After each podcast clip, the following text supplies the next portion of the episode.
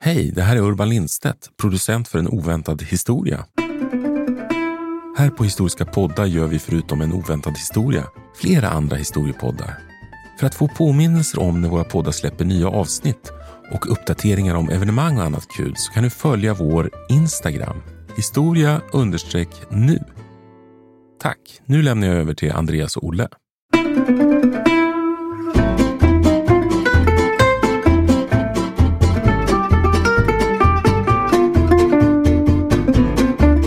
Och just precis den här kvällen, den 5 juni 1833, så visade han upp sitt storverk. Det var en tidig prototyp, det han kallade för The Difference Engine. En väldig mekanisk räknemaskin som bestod av mer än 25 000 olika smådelar. Vi snackar kugghjul, vi snackar kolvar och stänger och kedjor och grejer. Allting så här blankpolerat, koppar, mässing. Tydligen då en, en, ett praktverk, en riktig skönhet. Men det var ingen som fattade ett dugg av vad det var för någonting den här kvällen. Det var en stor grej, men bara vad syftet med det här var, det, liksom, det passerade långt över huvudet på alla deltagare. Med ett undantag. Enligt ett ögonvittne så var det en person som fattade precis vad det handlade om. Och nu läser jag högt. Här kommer det citat. De andra gästerna stirrade på det vackra instrumentet och dess arbete med samma uttryck och samma känsla som vissa vildar, savages, lär ha uppvisat första gången de såg ett spegelglas eller första gången de hörde ljudet av en pistol. Fröken Byron däremot, trots sin ungdom, förstod ett sätt att arbeta på och såg den stora skönheten i uppfinningen. Slutcitat. Denna fröken Byron är alltså samma person som senare skulle bli känd som Ada Lovelace. Vid det här laget var hon 17 år fyllda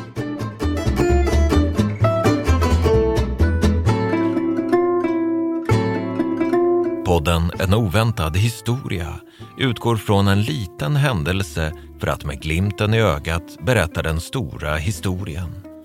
Programledare är historikerna Olle Larsson och Andreas Marklund.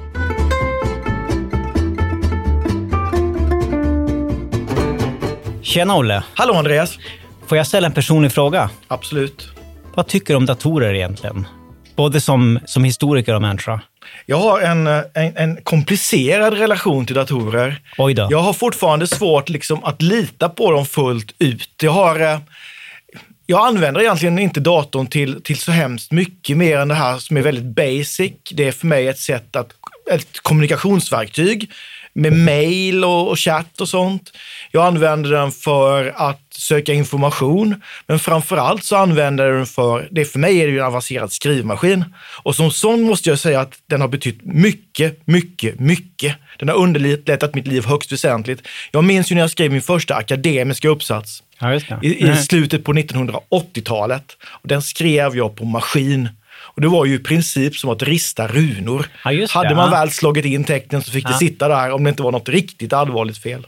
Så lite komplicerad relation har jag. Okej, okay, ja, jag förstår. Så den där övergången som du upplevt gjorde att det kanske blev trots allt en, en det finns en person där någonstans. Vi har långsamt närmat ja. oss varandra kan man På säga. att du har upplevt det analoga skrivandet lite grann. Ja. Ja, intressant. För jag skulle nog säga att jag då personligen, trots att jag faktiskt har ett ganska, ett icke obetydligt teknikhistoriskt intresse, och jag har nog faktiskt ett ganska passionerat förhållande till gamla telefoner. Så passionerat nostalgiskt. Men min relation till just precis datorn, till datorn här och nu som fysiskt objekt, det är nog rätt svalt egentligen och instrumentellt. Alltså jag har massor av kompisar och massor av kollegor, alltså i historikerbranschen, som verkligen ser skönheten i de här apparaterna. Men för mig är det just precis ett arbetsredskap och ingenting annat. Däremot kan man inte förneka att det finns ganska många intressanta kapitel i datorns historia. Så också i datorns förhistoria. Och det är faktiskt det vi ska prata om idag. Dagens avsnitt kommer nämligen att handla om en historisk person som kombinerade datavetenskaplig och matematisk briljans med en humanistisk insikt i tillvarons innersta mysterier.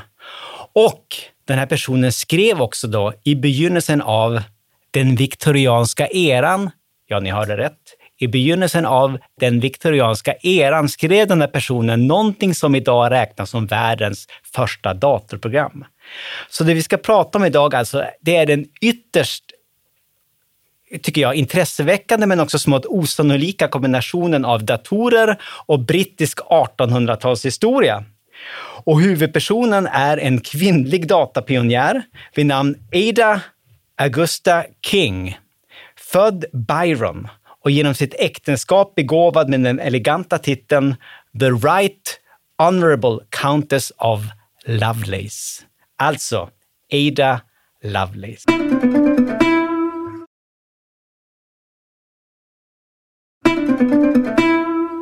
Olle, vi fortsätter i vanlig ordning med en stämningsbild. Låt mig förflytta dig till ett elegant överklasshem i Londons finare delar. West End någonstans skulle jag tro. Det är lördag, det är lördag kväll. Det är fest och datumet är den 5 juni 1833. Det är fortfarande några år kvar till drottning Victorias trontillträde. Vi befinner oss i den här kronologiskt sett lite besvärliga fasen i brittisk historia som man over there kallar för regency. Eftersom den här perioden under en liten, liten fas i, ja, i början styrdes av en galen kung, Mad King George. George den tredje. Precis, och därför var det då kronprinsen som var regent. Det är också under den här perioden som Jane Austens romaner utspelar sig i allt väsentligt. Så vi kan nog föreställa oss lite grann hur stämningen var på den här festen. Det var en soaré med pianomusik och extremt eleganta människor i du vet, krinoliner och höga hattar och små portvinsglas, förmodligen i händerna. Värden på den här festen hette Charles Babbage och han var en excentrisk entreprenör och matematiker med fina förbindelser. Och lite så här, vad ska man säga, jag får lite Mikael Bindefeld-vibbar av honom. Han var också en festfixare. Han var berömd för sina fester i början av 1800-talet. Här kunde man bland annat hamna då vid samma bålskål som Charles Darwin och Charles Dickens och senare under 1800-talet även Florence Nightingale, uppenbarligen. I alla fall, en del av grejen med de här festerna var att Charles Babbage förevisade sina uppfinningar. Det brukade, festen slutade tydligen ofta med det. Han var nämligen, det handlade bland annat om fundraising. Han var konstant på jakt efter pengar. Så är det ju ofta i uppfinnarbranschen. Så är det också i forskarvärlden, har jag noterat. Och just precis den här kvällen, den 5 juni 1833 så visade han upp sitt storverk. Det var en tidig prototyp, det han kallade för The Difference Engine en väldig mekanisk räknemaskin som bestod av mer än 25 000 olika smådelar. Vi snackar kugghjul, vi snackar kolvar och stänger och kedjor och grejer. Allting så här blankpolerat, koppar, mässing. Tydligen då en, en, ett praktverk, en riktig skönhet. Men det var ingen som fattade ett dugg av vad det var för någonting den här kvällen. Det var en stor grej, men var det syftet med det här var det liksom det passerade långt över huvudet på alla deltagare, med ett undantag. Enligt ett ögonvittne så var det en person som fattade precis vad det handlade om. Och nu läser jag högt. Här kommer det citat. De andra gästerna stirrade på det vackra instrumentet och dess arbete med samma uttryck och samma känsla som vissa vildar, savages, lär ha uppvisat första gången de såg ett spegelglas eller första gången de hörde ljudet av en pistol. Fröken Byron däremot, trots sin ungdom, förstod det sätt att arbeta på och såg den stora skönheten i uppfinningen. Slutcitat. Denna fröken Byron är alltså samma person som senare skulle bli känd som Ada Lovelace. Vid det här laget var hon 17 år fyllda och hon hade skickats till London av sin ömma moder för att lära sig manners, maner och så ska hon hitta sig en, en man som, kunde gift, som hon kunde gifta sig och få barn med. Precis som de här unga, unga fröknarna i typ vilken Jane Austen-film eller roman som helst. Alltså hon skulle kunna spelas av en väldigt ung Emma Thompson eller Kate Winslet eller något sånt. Nåväl, det här är faktiskt en ganska häpnadsväckande och på många sätt oväntad historia, Olle. Med, och det är ett väldigt gripande levnadsöde med en väldigt dramatisk början och en dramatisk, i alla fall ett väldigt, eller dramatiskt och i alla fall väldigt dramatiskt, eller tragiskt kan man nog säga, tragiskt slut. Vad vet vi egentligen om Ada Lovelace, Olle? Alltså hur kom hon till världen, till exempel? Hur hon kom till världen? Ja, man kan väl säga egentligen att hon är ju känd nästan på redan när hon föds. Hon är ju resultatet av ett äktenskap mellan Annabelle Byron, eller Anna Isabelle Byron och den då kände poeten Lord Byron. Hon föds ju då Napoleonkrigens sista år, nämligen 1815 i London. Och pappan är väl skulle man kunna säga, världsberömd och ryktbar, både som poet, eh, känd för sin skepticism, sitt ganska uttalade människoförakt, sina talrika kvinnohistorier. Han är också stor äventyrare. Han simmar över Hellesponten. Han deltar som frivillig i eh, kriget i Grekland, dör mm. 1824 i någon konstig febersjukdom, mm. tror jag. Mm. Eh, men då har han ju lämnat sin dotter och sin fru för länge, länge sedan. Han finns ju bara där en ytterst kort tid. Ja, en där, månad av en Ada Lovelace liv, tror jag. När ja. Ada är, är liten. Men ändå måste han ha betytt ganska mycket för henne, för att när hon sen dör 1852 så väljer hon ju trots sin mammas eh, ovilja att mm. låta begrava sig mm. bredvid sin, mm. sin pappa. Precis. Men det här med, med pappans eh, eskapader, får man säga, nästan på påstådda galenskap. Eh, man talar ibland Lord Byron, mad, bad and dangerous to know. Och det är kanske inte det, det eftermälet man skulle vilja ha. Mm. Men mamman är orolig för att dottern liksom ska ha ärvt faderns liksom mer poetiska och eh, den här vilda sidan. Mm. Och därför är hon ju mycket, mycket mån om att den här sidan måste hållas i schack. Så hon uppmanar ju dottern till studier, framförallt då i, i matematik ja. och naturvetenskap, för det ska då vara så, så långt ifrån den här poetiska ådran som möjligt. Ja, men, att... det, men, det, är ju här som gör henne känd. Alltså i, i kraft av sig själv så att säga, som den briljanta unga matematikern ja, som var... då förstod sig på Babbage-maskin. Precis, hon var, hon var ett kändisbarn kan man säga. Kan man säga. Och det var någon slags, jag tror mamma som jag fått förstått saken, hon var, även mamma var ganska, väldigt välbildad alltså, ja. och, och, var väldigt kunnig i matematik. Jag tror att eh, Byron kallade henne för eh, vad var det, parallellogrammens prinsessa. Eller något sånt. Hon var tydligen väldigt duktig på just precis geometri. Men det är som du säger, jag tror att hon, hon fruktade att, den här, att hennes dotter, Annabella fruktade att hennes dotter Ada hade ärvt pappans poetiska vildhjärna, eller vad man ska säga. Och det försökte hon tämja då med hjälp av naturvetenskap och matematik. Och så var, samtidigt var mamman, om jag förstått det rätt, också ganska frånvarande. Det var ju andra kvinnor som betydde eh, mycket i Adas liv. Till exempel eh, den kvinnliga läraren som blir hennes privatlärare. Och det var inget ovanligt att man hade privatlärare vid den här tidpunkten, men hon som heter Mary Somerville. Och det är väl hon som för samman Charles Babbage, tror jag, ja, med, tror jag med uh, Ada Lovelace. Precis, hon är lite så connected. Hon blir som biljetten till den där festen år 1833. Exakt. Och hon var en ganska känd matematiker på den här tiden. Eh, det som är ganska intressant är ju att eh, som sagt Ada fick eh, privatundervisning i hemmet och det är inte ovanligt som du säger. Eh, det handlar också lite grann om hennes, hennes kön. Alltså man ska komma ihåg att kvinnor hade ju, för det första så fanns det inget allmänt läroverk på den här tiden. Och vad gäller de högre lä lärosätena, alltså universitetsvärlden och så vidare, så var den var ju helt, den var ju stängt territorium för kvinnor. Jag tror det är först 1868 eller något sånt där, alltså långt efter Ada Lovelace alltför tidiga död, som universitetsvärlden successivt börjar öppnas för kvinnor i, i Storbritannien. Så vi kan alltså konstatera att Ada var intellektuellt och utbildningsmässigt ganska välrustad för att förstå den här märkliga apparaten som Charles Babbage förevisade på sin berömda fest. Eh, men hon hade, det var också något annat här. Hon var inte bara en matematiker. Eh, hon var ju också ett barn av sin tid, eller kanske vi ska säga då en, en kvinna av sin tid. För det händer ju någonting. Bara vad är det, två år efter det att hon ser den här maskinen, när hon är 19 år fyllda tror jag, så... Så gifter hon sig med den här mannen som heter William King. Och det är via honom som hon blir, eh, får namnet Lovelace. Alltså grevinnan, grevinnan Lovelace. Hon föder tre barn. Eh, äktenskapet är ju inte alltigenom lyckligt får man Nej. väl säga. Eh, själv är hon ju ganska sjuklig, eh, ja. sängliggande ganska mycket. Har ju drabbats av någon slags, om det, om det är mässling eller något sånt. Ja, eller ganska, polio kanske? Ja, men mässling tror jag är unga år som ah, gör okay, henne ja. försvagad.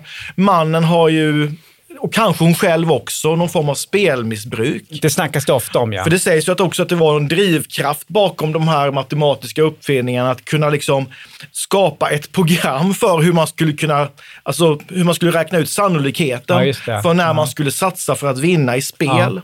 Men hon får tre barn tillsammans med sin man. Eh, livet är väl ganska hårt för henne generellt och Ja. som sagt var den här dåliga hälsan förföljer henne.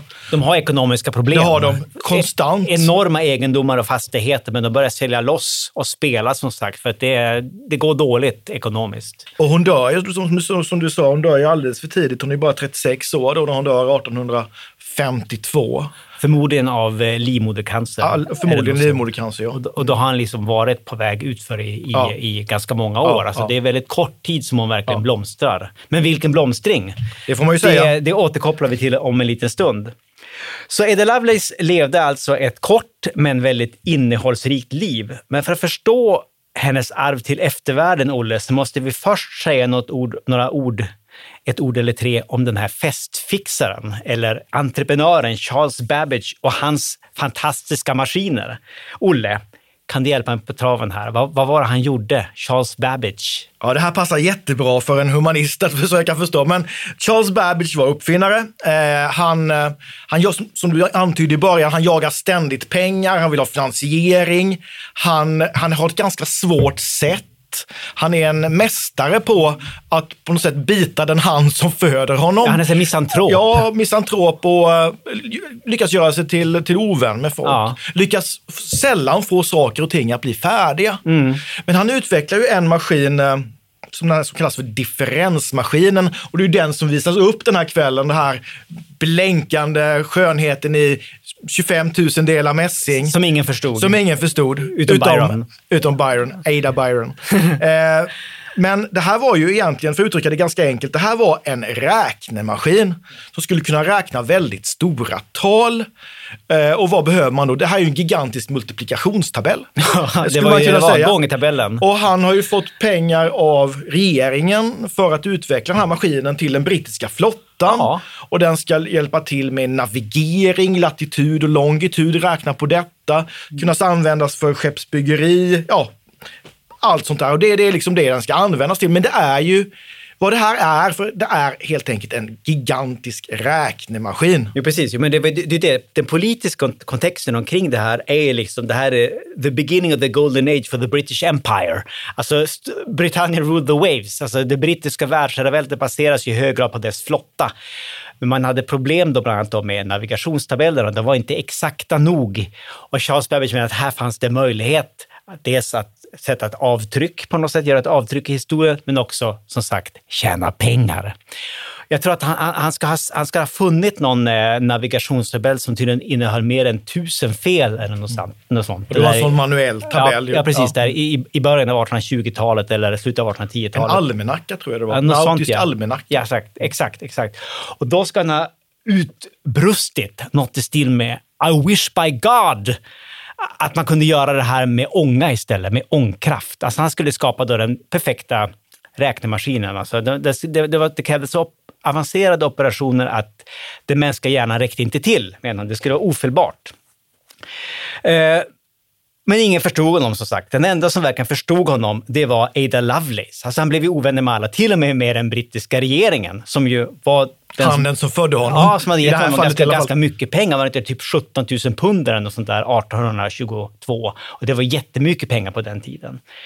Eh, han hade ett annat problem som jag tror att du antydde också. Det var det att han, han hade svårt att avsluta saker och ting. Alltså när de möttes 1833 på den här festen och då han förevisade The Difference Engine Number One, så var den maskinen redan ancient history i hans värld. Alltså han hade då redan åtminstone mentalt rusat vidare till nästa projekt som var då den analytiska maskinen, The Difference Engine. Och det här det börjar hända grejer. Det här börjar slå, vad ska man säga, teknikhistoriska gnistor. För det var mycket mer än en vanlig räknemaskin. Vad, vad, vad var grejen med det? Den det skulle här? kunna lösa kopiöst svåra matematiska problem och den skulle kunna liksom lagra också information ju. Just det, ja. med hjälp av hålkort. Ja. Alltså när jag började använda dator så hade man något som hette floppy disk. Disketter. Stor, disketter, Ja, ja. stora platta saker som från början var stora som LP-skivor. Ja. Mm. Och så blev de lite mindre. Och sen blev det USB-minnen. Och sen blev det moln. Ja, exakt, Eh, och det är exakt. väl det ungefär som den här maskinen skulle kunna göra. Ja, laga var- de här stora datamängderna. Ja, liksom 1800-talets eh, moln eller disketter eh, eller USB-stickor. Eh, det, var liksom, det, det var som en slags ett, ett lagringsmedium. Det var de här hålkorten som var liksom, det var verkligen en slags plattor som man liksom stansade in information på i, i form av eh, hål i olika mönster. Och idén kom från eh, att använda det här i den analytiska maskinen. Alltså han menar att han skulle, liksom, han skulle programmera den här analytiska maskinen till att utföra alla tänkbara räkneoperationer med hjälp av hålkort. Idén hade han fått ifrån den mekaniska vävstolen som kallades för Jacquard vävstolen eftersom det var då en fransk uppfinnare som stod bakom den och det var en viktig del av den, den industriella revolutionen. Och det som gör det här extra intressant tycker jag, det är att eh, Ada Lovelace och hennes mamma Annabella, de var väldigt fascinerade av jacquardvävstolar. Jag vet inte om det var innan eller efter eller kanske till och med både och. Alltså i samband med det här med att de hade sett The Difference Engine, så åkte de omkring i det industriella Storbritannien, alltså de, de industriella delarna av det här industriella, den industriella revolutionens hemland, för att kolla på maskiner. Alltså två damer i du vet, krinolin, höga hattar, paraplyn och kollade på jacquardvävstolar. Och Ada Lovelace sa då, jag tror till och med hon skrev ett brev till Charles Babbage, att hennes vision för den här analytiska maskinen, hans idé om något som skulle vara ännu mer djävulskt än den här differensmaskinen.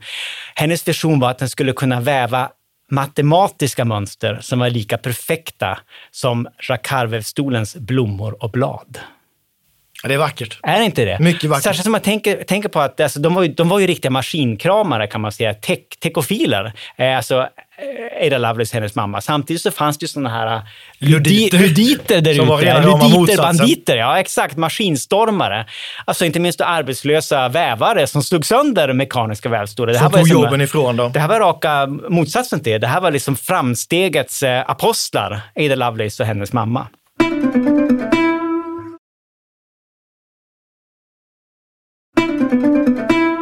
Under 1830 och 1840-talet så var då Lovelace och Babbage en slags dynamisk duo som det verkligen stod gnistor om. Det var en ren arbetsrelation, ska vi kanske understryka, men det var två excentriska genier som verkligen förstod varandras tankar på djupet. Och de brevväxlade faktiskt med varandra på det intensiva sättet som faktiskt bara var möjligt under snigelpostens guldålder. Du vet hur det kunde vara. Alltså faktiskt kunde vara så här 10, 12, 15 postutdelningar om dagen i de här stora metropolerna. Och London var ju en, en stor metropol. Och Babbage var i alla fall så imponerad av Lovelace och hennes insikter i matematikens väsen att han kallade henne för Enchantress of Numbers, alltså talens förtrollerska eller signerska eller något sånt där. Men Olle, var, utan att bli alltför matematiska, för varken du eller jag är ju matematiker. Det kan vi, vi kan, Det kan vi vara helt överens om att vi inte är. Det, det kan vi säga öppet. Så det är inte allt vi förstår i det här. Men alltså, var bestod hennes insats, tror vi, Olle? Alltså, va- varför var Ada Lovelace så otroligt viktig för utvecklingen av det som vi idag kallar för ja, datorer? Jo, eh, Charles Babbage befinner sig, han åker ju ut på en föreläsningsturné Mm. 1842. Det, han tog också med sig en hatt Han där har han tigger pengar. Som vanligt. Och här, han befinner sig, bland annat håller han för en föreläsning i Turin. Och i publiken sitter en italienare, en ingenjör tror jag, som heter Luigi Menabrea. Menabrea. Och han för anteckningar den, under den här föreläsningen som han sen låter publicera på franska. Och här kommer då eh, Ada Lovelace in därför att hon översätter eh, Menabreas anteckningar från franska till engelska. Eh, och det är inte det som är det stora. Utan det stora är att hon förser den här eh, översättningen med en kommentar, med en stor notapparat egentligen, som är mycket större än, än själva eh, föreläsningsanteckningarna i sig. Ja. Och här, det är de här noterna som är intressanta därför att hon kommenterar ju de här. Och här finns det bland annat något som heter not G, som är någon slags tabell. Och det är ju det som gör henne känd sen, därför att här på något sätt så försöker hon, för att eh, Babbage tänker sig ju det här fortfarande som någon slags mycket avancerad räknemaskin.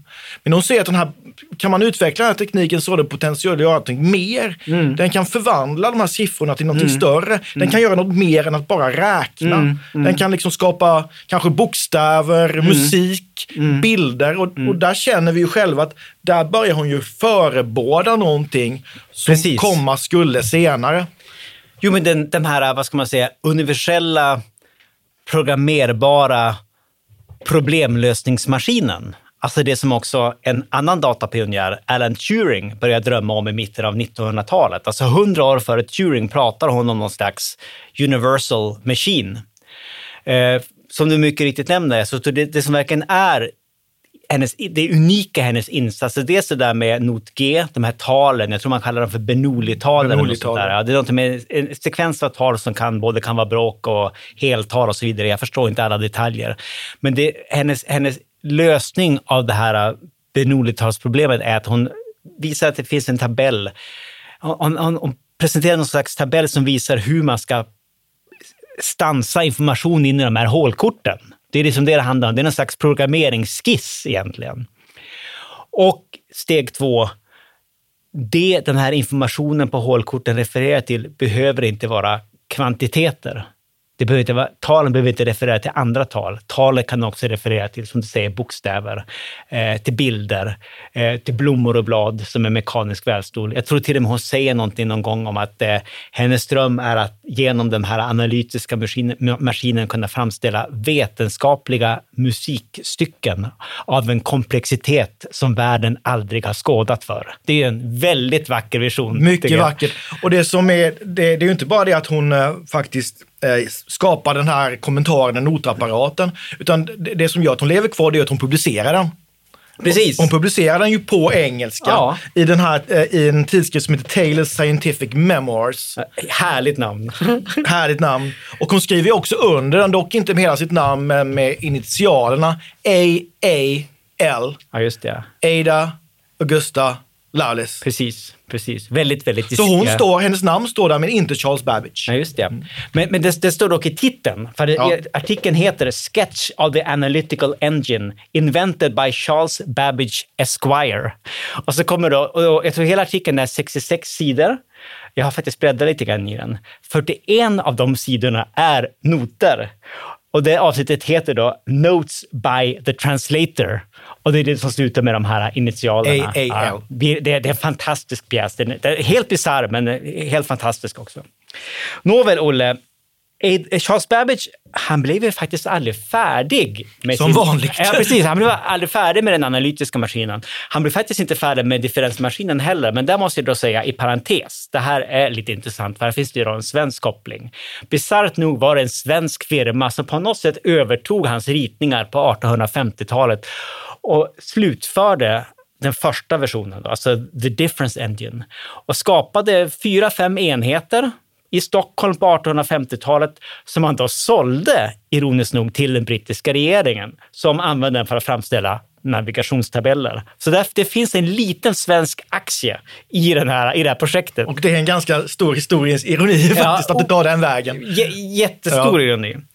Nåväl, Babbage himself, så att säga, han lyckades aldrig bli färdig med någonting. Så det gjorde då att Ada Lovelace papper, faktiskt, eller hennes paper, glömdes bort.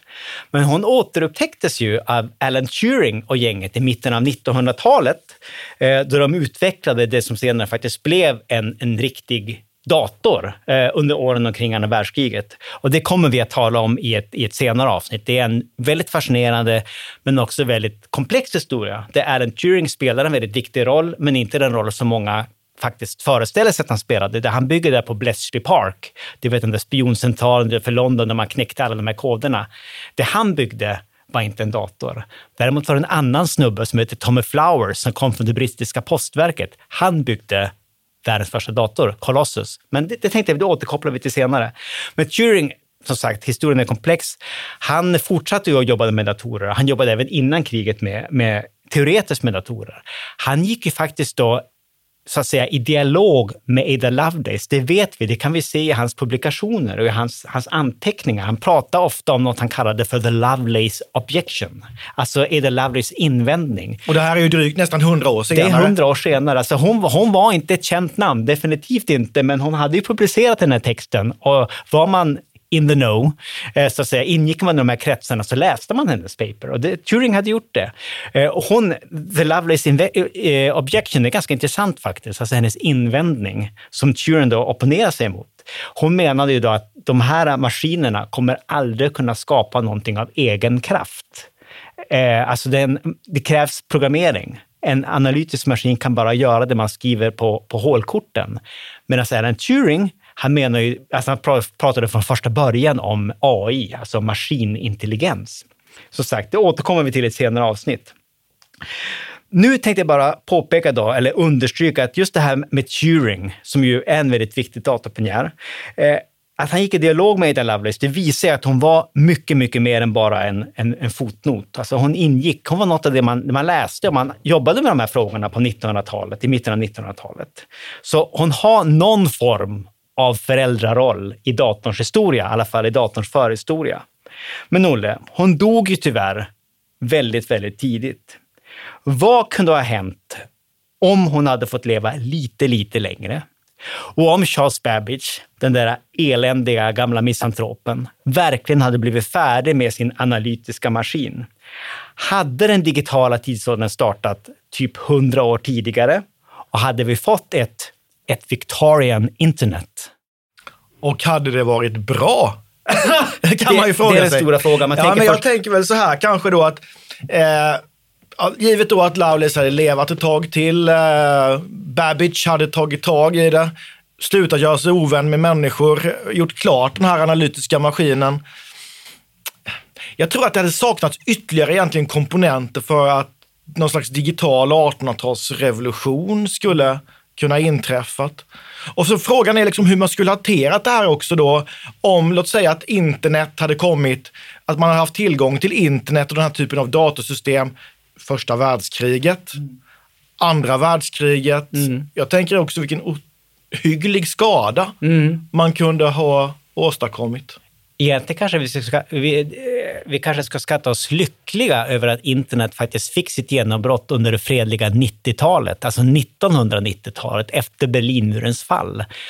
Och, och, blev någonting för eh, folk som ville dela kattbilder och, och piratkopierad musik istället för någonting som eh, till exempel hade kunnat användas under första världskriget. Ja, eller skapat artificiella soldater. Ja. Det diskuterar man ju idag. Alltså, och hur man ska hantera det. Precis. Som, ett, som ett möjligt hot som definitivt inte är behäftade med några känslor. Precis. Men jag tänkte på det, du nämnde det där med att vissa faktorer saknades förmodligen för att det verkar kunna bli en riktig digital revolution. Och då tänker jag kanske lite grann på det där med så riktig så government funding. Alltså det som gjorde, tror jag, att datorn verkligen fick ett riktigt genombrott där på, på, alltså under andra världskriget. Alltså, då återkommer vi till att den, att den verkligen, då implementerades det här. Det var ju kriget. Man behövde de här extremt kraftiga maskinerna för att kunna knäcka de tyska koderna. Den situationen förelåg inte nödvändigtvis på den här tiden. Och man har också tillgång till elektricitet som är väl utbyggd. Massa tekniska faktorer också. Roll. Ja, ja, exakt. Men jag tänkte i, i populärkulturen så dryftas ju de här frågorna ganska ofta. Alltså jag har ju läst då eh, jag vet inte om ni känner till den här cyberpunk-författaren William Gibson. Bara till namn. Uh, Neuromancer skrev han en fantastisk bok som hette början av 80-talet. Men han har faktiskt skrivit en bok tillsammans med en annan science fiction-författare som heter Bruce Sterling, som handlar om The Difference Engine. Då den verkligen, men, men, men den handlar mer, den, den heter det, som jag kommer ihåg det, men den handlar mer om The Analytical Engine och där blir den till verklighet och skapar någon form av cyberspace på 1800-talet. Och det finns också då någon form av, eh, det finns en sån här graphic novel, alltså en avancerad serietidning som heter The Amazing Adventures av eh, Babbage and Lovelace som är helt fantastisk. Den har tagit mer vad ska man säga, humoristisk take på allt det här. Det skapas verkligen ett, ett viktorianskt internet. Och där eh, kör de bland annat eh, ett, ett manuskript av Charles Dickens genom den Analytical Engine för att spellchecka det, för att rättstava det. Och det blir naturligtvis slitet i stycken, för det är ingenting som fungerar och det är ett mästerverk som försvinner into the cloud, tror jag faktiskt de säger. Yeah. ja, Känner du till några populärkulturella kulturella referenser till Lovelace? Jag tänker generellt hur hon har levt kvar. Hon, är ju, hon har gett namn till föreläsningssalar, till Ja. exempel.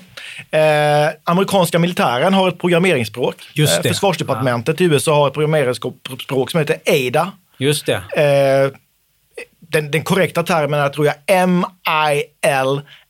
M-I-L-S-T-D 1815 och där får man ju in 1815, Ja. hennes födelseår, som en slags homage till eh, Ada Lovelace. Ja. Och Sen såg jag faktiskt, och det tycker jag var jätteroligt, de här eh, Playmobil-gubbarna i Lego. Ja. Där finns en sån liten Ada Lovelace att köpa. Lovelace? Ja. Man kan ju köpa Luther till exempel, det visste jag, för en sån har jag hemma. Men att Ada Lovelace existerade som sån legogubbe, Herregud, ja, det visste kan jag inte. Bli, det kan inte Då bli, är det stort. Då är man odödlig. Då är det stort. Alltså jädrar, det, då, har, då har man verkligen blivit en del av, eh, vad ska man säga, eh, allmängodset. Av världshistorien. Ja, definitivt. Och det finns väl också en eh, Ada Lovelace Day, va? Som Ja, det tror jag. firas, Ja, varje år. Så eh, hon, har, hon har fått en comeback. Absolut. Hon har fått ett eh, återupprättande. Men det är ändå rätt spännande att det hon gör för i början på, alltså mitten på 1800-talet tas upp igen i mitten på 1900-talet och får så otroligt stor betydelse. Och det kommer vi prata om i ett senare avsnitt. Absolut. Tack för idag, Olle. Tack själv. Hej, hej. Hej. Vi tackar programledarna Olle Larsson och Andreas Marklund. Kontakta gärna Olle och Andreas på ovantad historia.nu.